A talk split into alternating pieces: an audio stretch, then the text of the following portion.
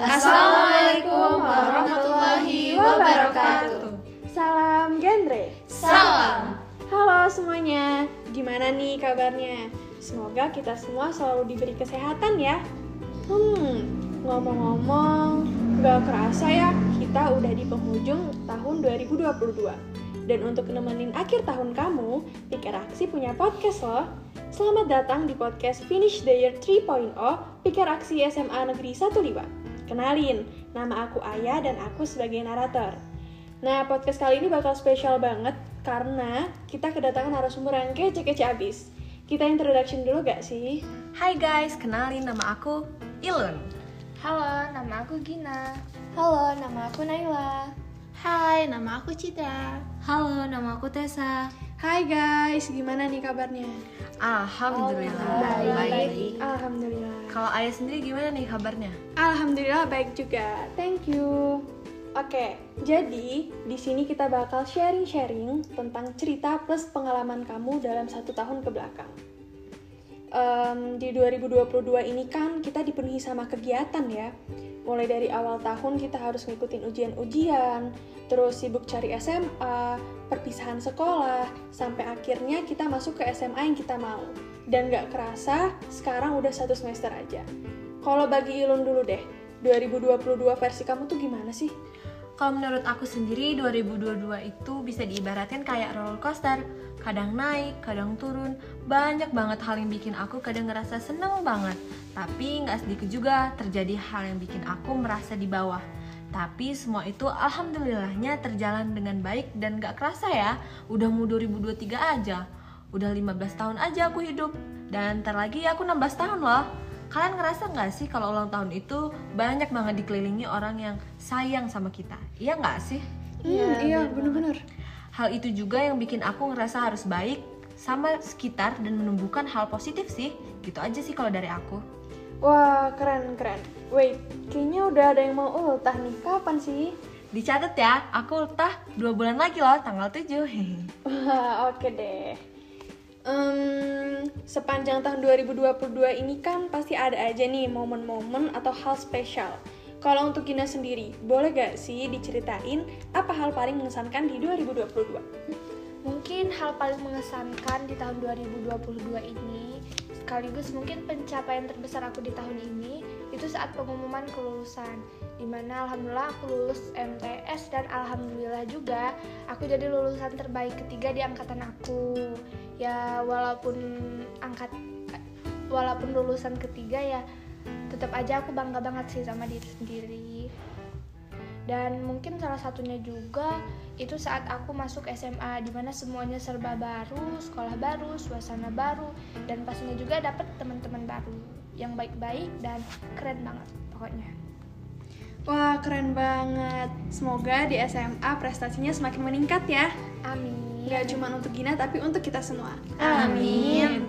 Nah, tadi kan yang full senyumnya nih. Kalau untuk Naila, ada gak sih hal atau momen yang bikin Naila kecewa sepanjang 2022?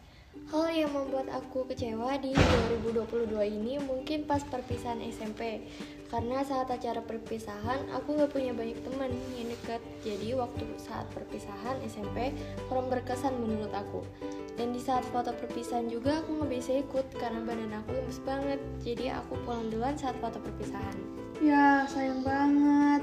But it's okay Naila. Semoga nanti di SMA semakin bisa berbaur ya sama lingkungan. Amin Nah, seperti yang dibilang Naila tadi, kita kan lulusan SMP tahun ini. Kita tahu kalau masa SMP dan SMA itu jelas beda banget.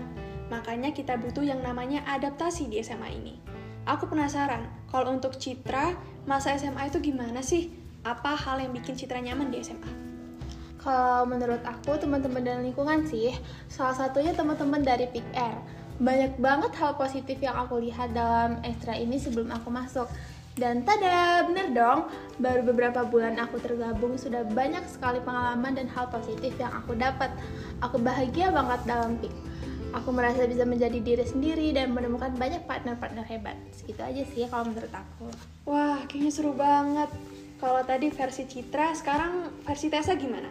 Apa hal yang bikin Tessa nyaman di SMA? Salah satu hal yang bisa bikin aku nyaman di SMA adalah karena pick eraksi. Jujur aja awalnya aku bingung untuk masuk ekskul apa dan akhirnya aku nyoba ikut pick eraksi.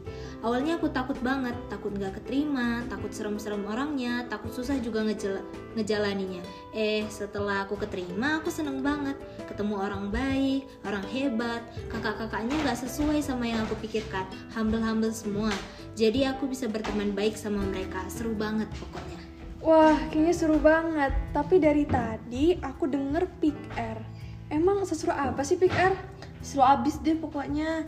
Uh, Hmm, Kalau di Speak Air ini sesuai namanya banget, kita bisa banyak ngelakuin aksi-aksi yang keren yang bisa dilakukan dalam Speak Air aksi ini. Pokoknya the best dah. hmm. Ya bener banget sih, kalau itu nggak usah ditanya lagi, pastinya seru banget. Banyak kegiatan-kegiatannya yang bermanfaat, yang pastinya itu pokoknya seru banget deh. Teman-teman sama kakak-kakaknya juga seru-seru banget. Keseruan di PR aksi itu gak bisa dijelasin dengan kata-kata kalau menurut aku. Tapi yang pasti di organisasi PR itu kita bisa ngerasain yang namanya kebersamaan.